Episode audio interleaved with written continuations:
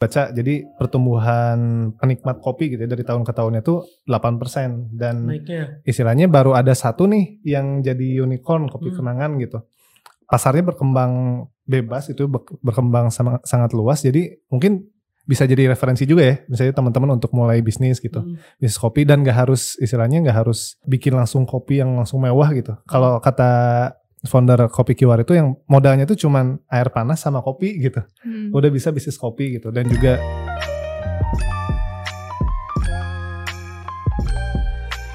Ta ta ta ta ta ya. Tan ta ta ta ta ta ta. Ayo ayo ayo. Yo. Ya, Assalamualaikum warahmatullahi wabarakatuh. Waalaikumsalam warahmatullahi wabarakatuh. Kembali lagi teman-teman ke podcast You Business episode 14 di mana di podcast ini ada yang sedikit berbeda. Kita nggak punya kursi. gak ada meja juga. Iya.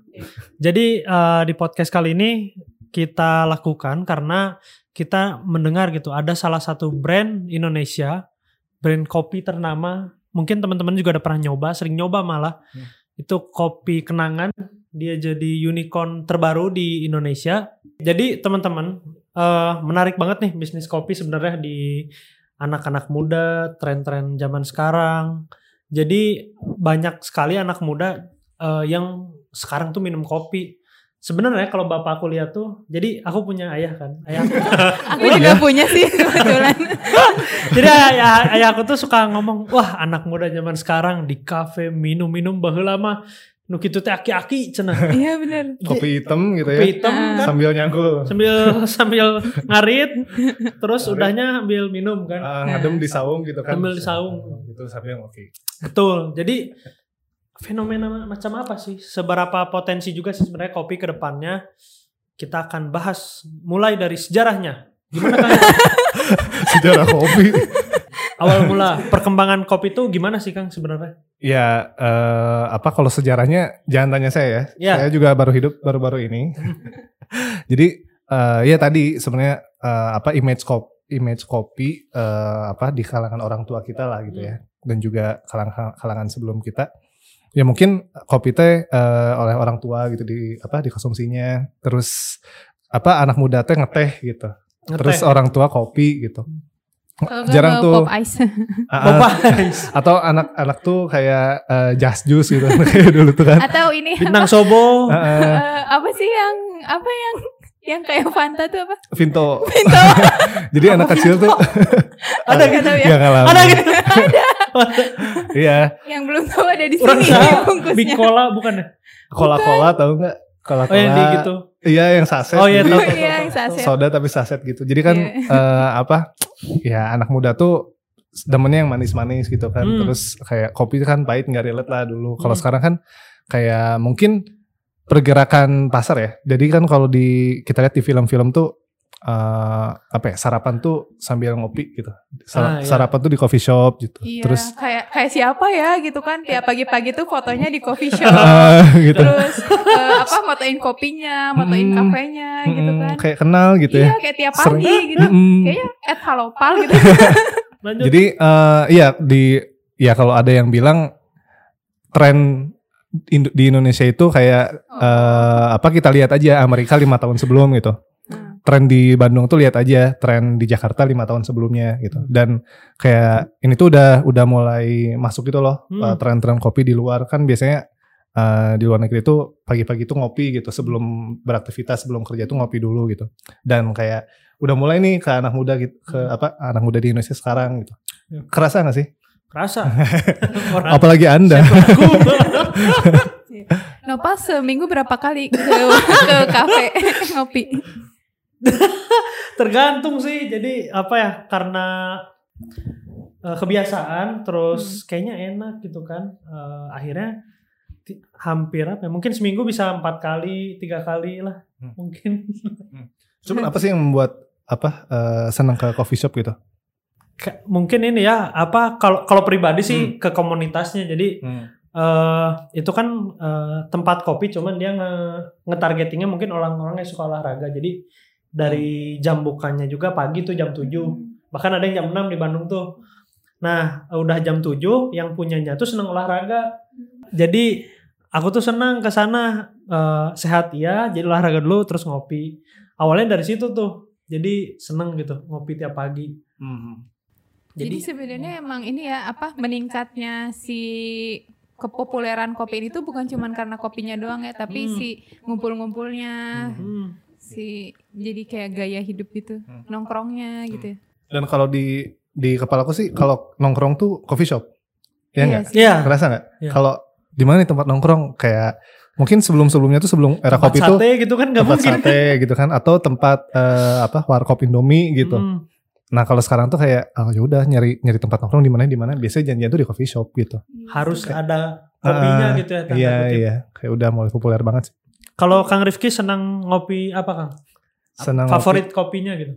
Eh kalau apa ya? Dulu sih awal-awal kayak ABC susu gitu ya Oh, dulu iya, oh. kayak pertama kali nyobain tuh punya punya bapak gitu nyobain kopi susu. hmm manis manis enak gitu ya terus oh kopi teh gini nggak Hmm. pahit-pahit banget gitu terus kayak eh, apa ada temen yang bu- bi- eh, bikin coffee shop Hmm. ada teman terus kayak eh, apa pengen lihat lah kopi yang bener tuh gimana sih gitu jadi teman tuh sebelum buka coffee shop dia kayak ikutan workshop itu workshop bikin, Bikin kopi barista gitu. workshop barista di Morning Glory Oh iya Ah, tahu. jadi, ah. Di yang entah apa nih?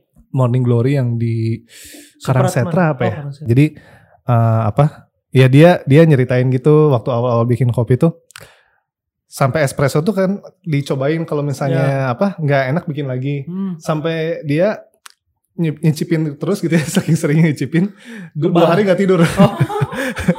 gara-gara workshop itu gitu karena karena apa Hmm. nggak sadar gitu ya dikit-dikit taunya dia nggak bisa tidur gitu dan akhirnya ya eh, apa setelah workshop itu dia bikin kopi yang enak gitu dan Hmm. akhirnya aku kayak oh dari situ tertarik gitu tertarik kopi Iya sih. Hmm. Yang aku baca juga selain tadi karena nongkrong juga karena banyak orang yang tertarik dengan prosesi pembuatan kopinya itu sendiri. Betul betul.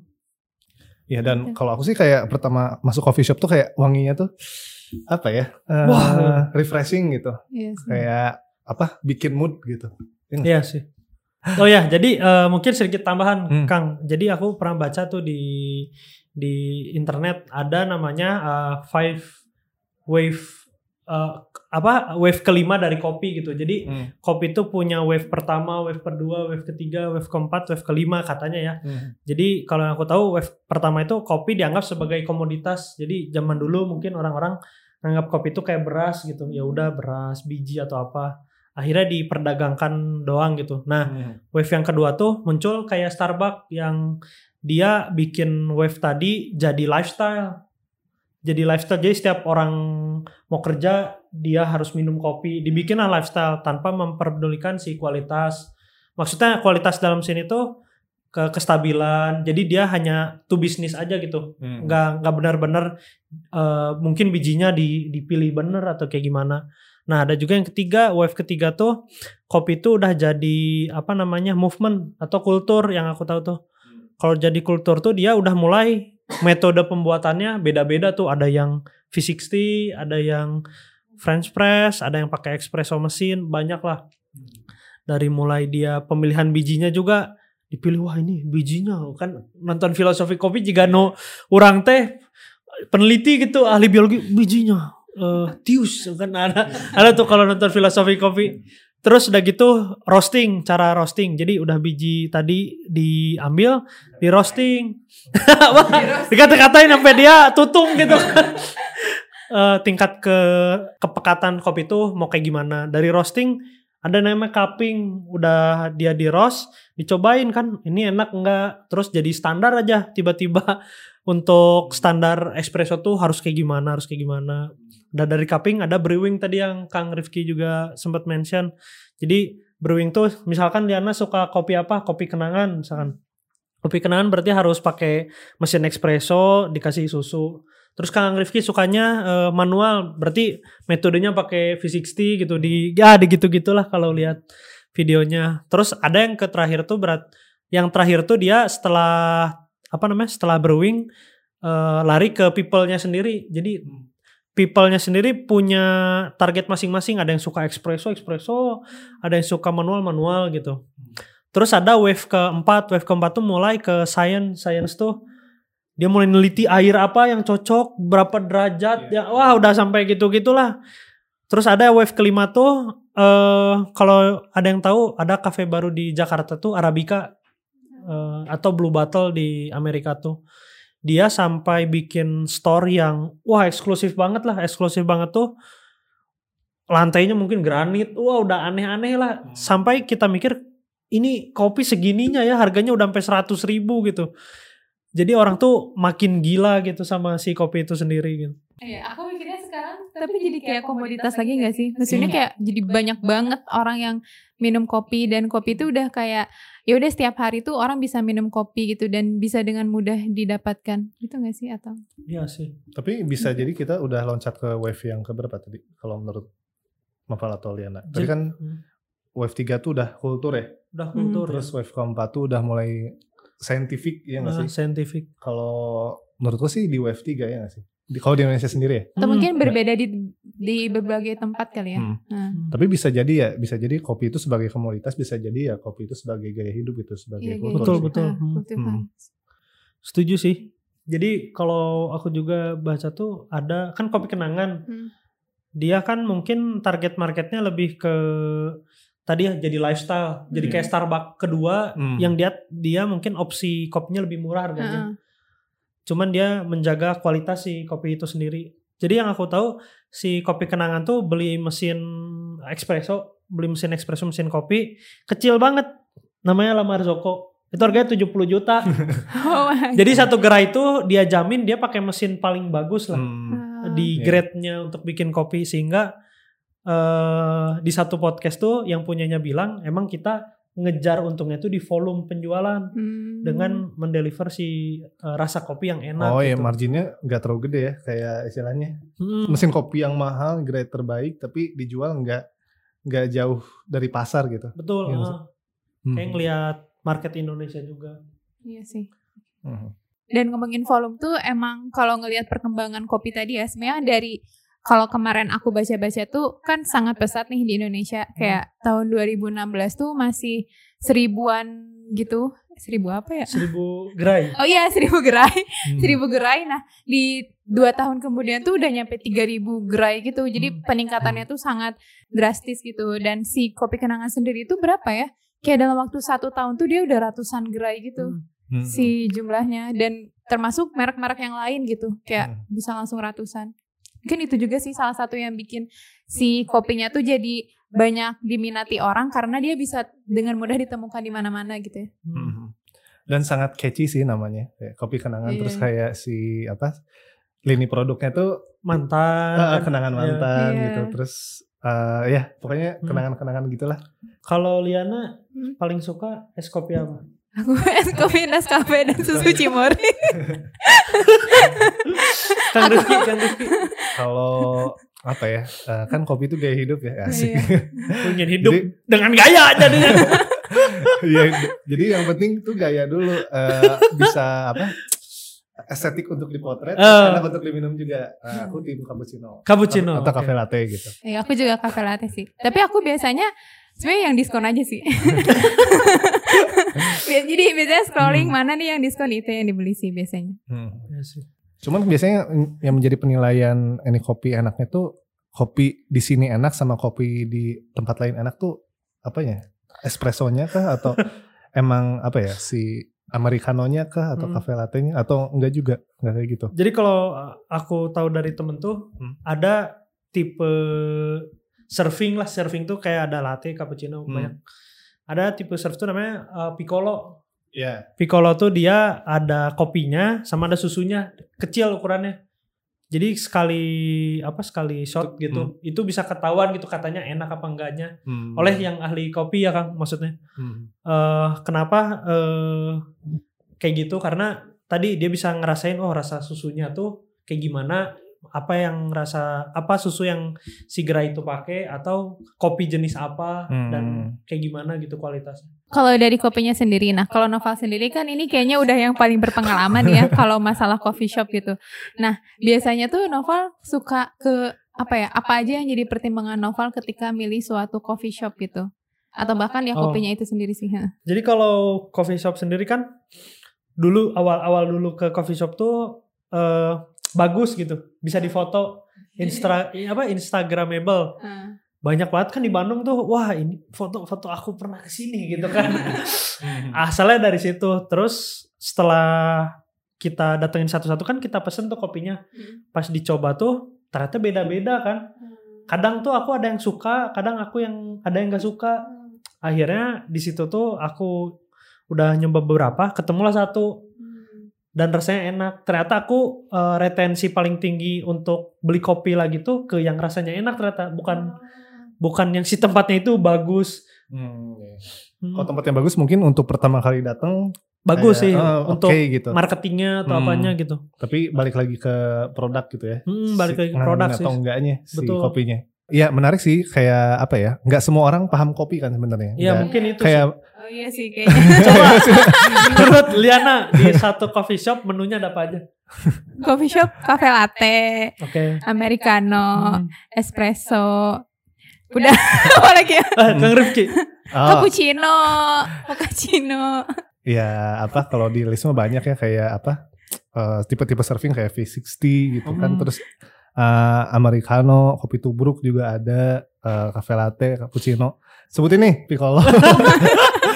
Cuman ya menariknya kayak nggak semua orang bisa ngebedain ini ini tuh eh, kopi apa gitu. Iya, Terus iya. ini kopi arabica atau eh, kopi robusta. Hmm. Terus juga kayak eh, ditanya bedanya apa? Terus kalau disuruh coba ini kopi arabica apa robusta, belum tentu semua orang paham gitu kan. Hmm. Tapi kayak orang-orang teh banyak yang datang teh hanya itu karena gaya hidup gitu. Iya sih. Iya sih. Jadi apa ya? eh, kalau misalnya sebagai hardcore penikmat kopi gitu ya, kan kayak mungkin retensinya dari tadi ya dari produknya gitu. Hmm. Cuman kalau misalnya masyarakat awam gitu ya, sebenarnya kalau aku lihat ya, em masih banyak yang kayak nggak bener-bener kopi pun tetap dinikmati nggak sih? Hmm, ya. Hmm, kayak apa kopi-kopi. Sebenarnya es kopi susu juga kan nggak kopi-kopi banget kayak Hmm. Iya itu Apa? susu kopi sih. susu kopi. Tapi- ABC aja Susunya menikmati lebih gitu ya. banyak. Hmm, gitu. Jadi eh, sebenarnya pasarnya masih terbuka banget gitu. Kayak apa? Penikmat kopi nggak terlalu banyak, nggak terlalu yang apa ya? Yang jago tuh dikit gitu. Cuman yang kayak early adapter tuh masih peluangnya masih banyak gitu. Iya. Sepakat ya kalau kayak gitu? Sepakat sih. Hmm. Jadi aku juga pernah baca tuh yang tadi artikel Hmm. tentang kopi yang mungkin Liana kirim tuh bacaannya tuh bahwa Indonesia tuh atau Asia lah Hmm. masih terfragmentasi. Jadi orang-orangnya tuh nggak seragam banget gitu. Ada yang suka metode ini, metode ini, metode ini banyak banget gitu.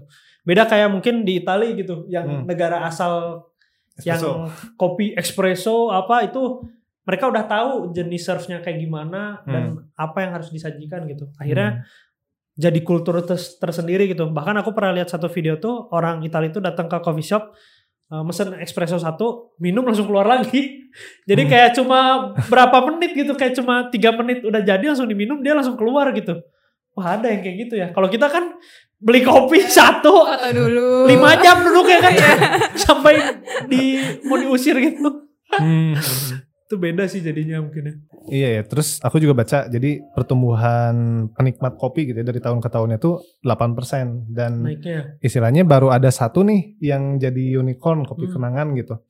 Pasarnya berkembang bebas itu ber- berkembang sama, sangat luas jadi mungkin bisa jadi referensi juga ya misalnya teman-teman untuk mulai bisnis gitu Hmm. bisnis kopi dan gak harus istilahnya nggak harus bikin langsung kopi yang langsung mewah gitu kalau kata founder kopi kiwar itu yang modalnya itu cuman air panas sama kopi gitu Hmm. udah bisa bisnis kopi gitu dan juga sih.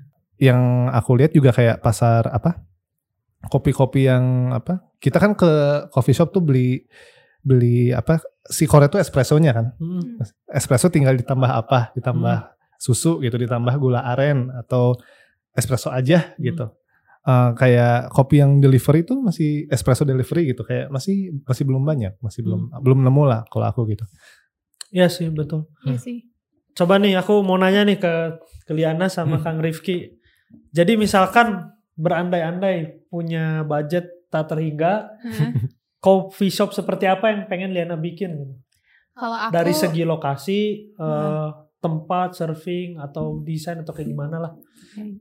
Kalau aku, aku sebenarnya tertarik sama si Bu Miki Wari tadi sih. Hmm. Ya dia tuh kan eh, dari hulu ke hilir juga kan. Jadi Hmm. dia punya kebunnya, terus dia olah sendiri, terus dia punya kafenya walaupun jauh sih ya. Hmm. tapi Jauh iya jauh ya lumayan. kafe ya. Iya. Hmm.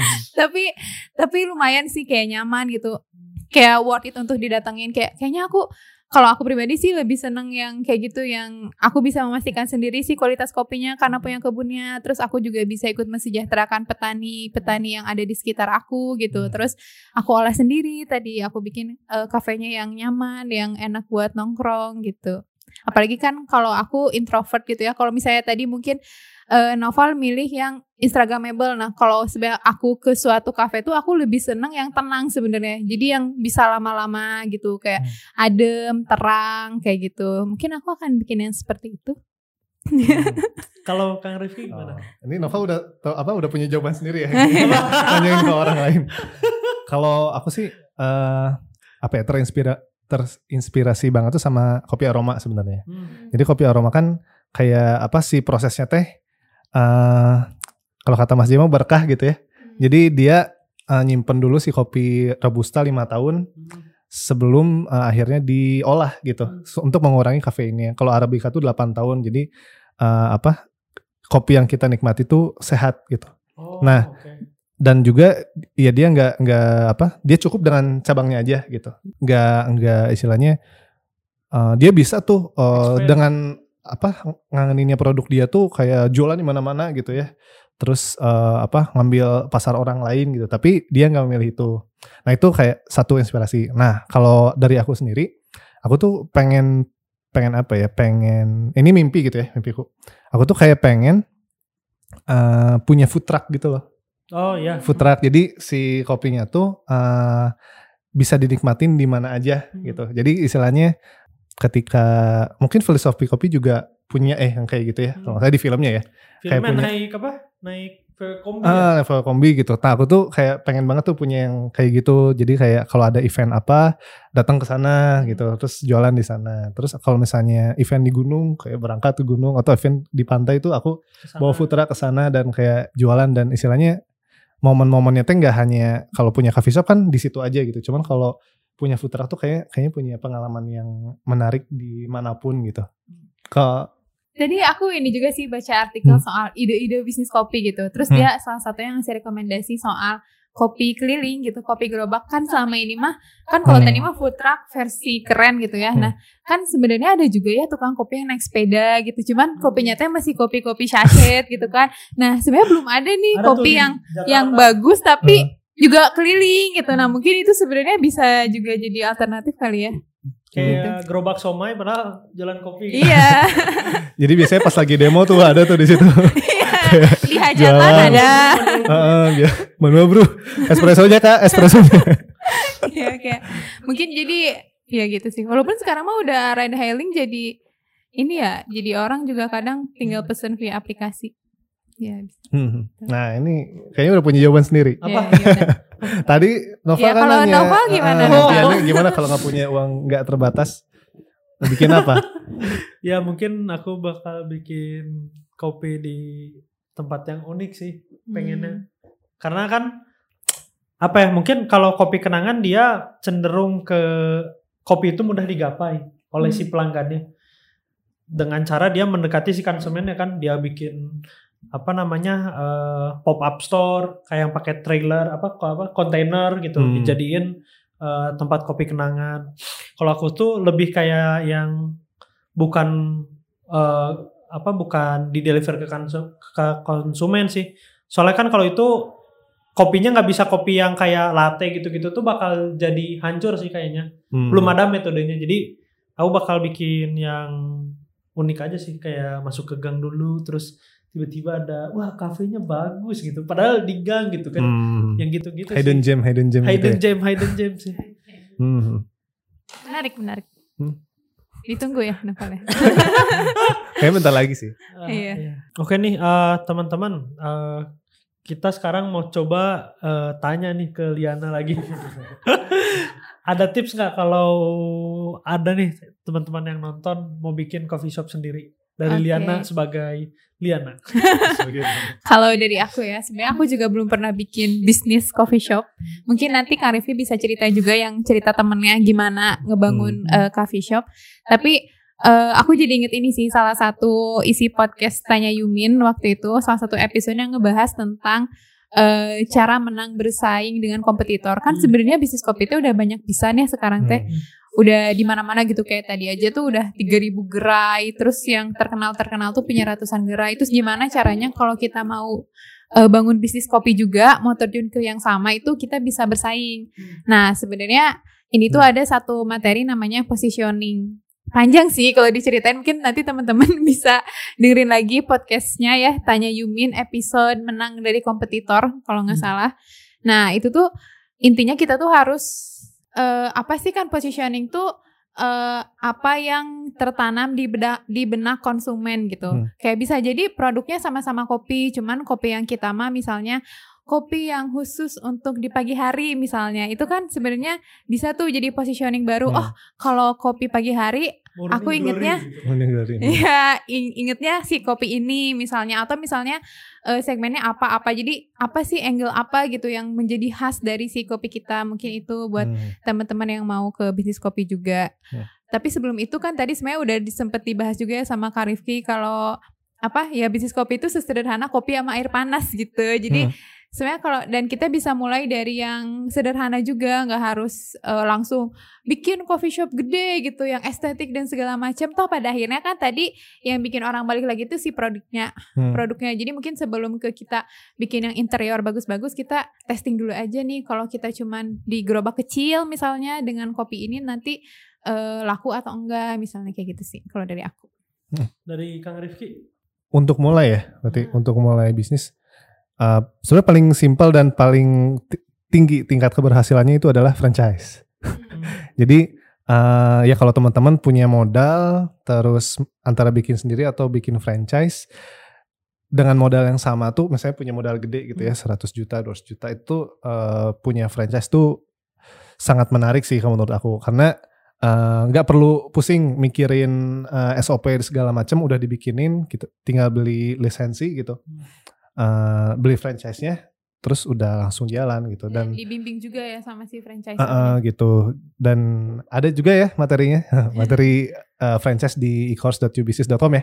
Iya. di sini.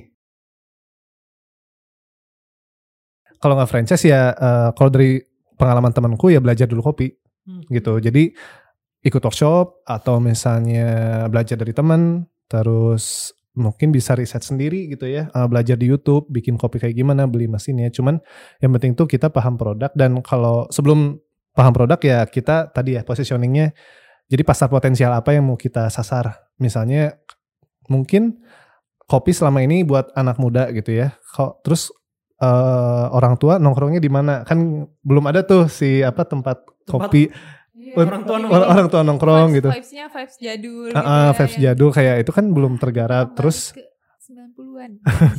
ya atau misalnya kopi-kopi yang istilahnya ngejualnya kopi klasik gitu ya kopi khas kopi khas eh, apa misalnya eh, Papandayan gitu. Jadi jualannya tuh di Papandayan terus kopinya tuh kopi dengan apa dengan serving yang klasik gitu. Itu kan kayak belum belum ada juga. Atau misalnya kopi yang misalnya untuk ibu-ibu untuk perempuan untuk cewek gitu ya itu juga kan pasar-pasar yang belum tergarap dan nah dari apa tergantung pasar yang kita sasar dan kita mau bikin produk seperti apa untuk menyasar produk tersebut sih Kalau dari Noval sendiri gimana tipsnya? Kayaknya Noval tuh kan kita udah sering ngobrol ya kayak dia tuh sempet pengen bikin bisnis kopi gitu. Nah, coba Ya. gimana? Kalau aku sih nyeritain aja tempat kopi yang kenapa aku ke sana terus. Hmm. Namanya ada di Bandung, kopinya Yumaju. Oh itu ini anak di bisnis bukan? Nah, nah, makanya sampai ibu aku tuh gini nih ketemu temennya. Bu, si Nopal teh kerja di mana? Yumaju. Bapak Yu bisnis kan. Sa asli orang. Lebih sering ke Saking- maju daripada ke you bisnis ya. saking tiap hari ke You maju Makanya orang sampai bingung kan, ini kerja di mana ya sebenarnya? ya itulah sedikit ini. Jadi aku mau ceritain si coffee shop yang aku suka ke sana lah. Heeh. Dia tuh spesifik sih buka targetnya. Dia spesifik untuk orang yang senang olahraga. Hmm. Eh, kenapa senang olahraga? di tempatnya dia kasih gantungan sepeda tuh. Jadi parkir sepeda tuh bener-bener luas banget lah. Terus kalau dia bikin event tuh selalu starting pointnya dari tempat dia. Jadi kan e- event sepeda gitu. Orang yang sepedaan gak suka ngopi di dia jadi ngumpul dulu ke situ kan. Wah ini ada tempat kopi. Itu Menarik, juga bagus menarik. tuh marketingnya. Terus dia eh, udah starting point, dia bikin rute kan. Rutenya ke cabang dia yang kedua. Bagus juga. jadi jadi tahu semua kan.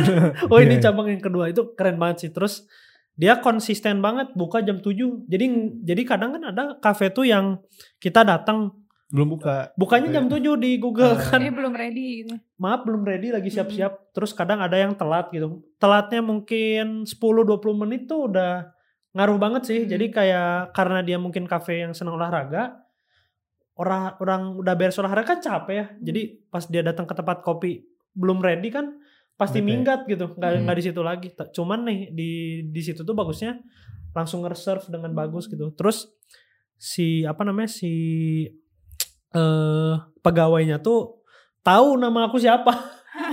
Saking ku tiap hari. Pakai masker gak? Ya Mas Nopal mesen apa? Magic lagi ya? Wah kan sampai waduh tahu gitu kan. Eh, Hmm. itu sih personalisasi yang bikin orang mau datang gitu. Yang akhirnya ya aku juga ikut datang lagi. Terus dia tuh bikin apresiasi untuk support tempat kopi dia. Jadi tiap orang yang datang pertama kali ke tempat kopi difoto sama dia terus diupload ke Instagram dia eh, our first customer gitu-gitu. Semua orang kan wah, apalagi yang olahraga kan, ah, aku mau lebih pagi nih gitu-gitu tuh kadang-kadang. Itu keren sih mungkin teman-teman bisa belajar tuh sama sama tempat kopi yang tadi aku ceritain. Itu sih paling.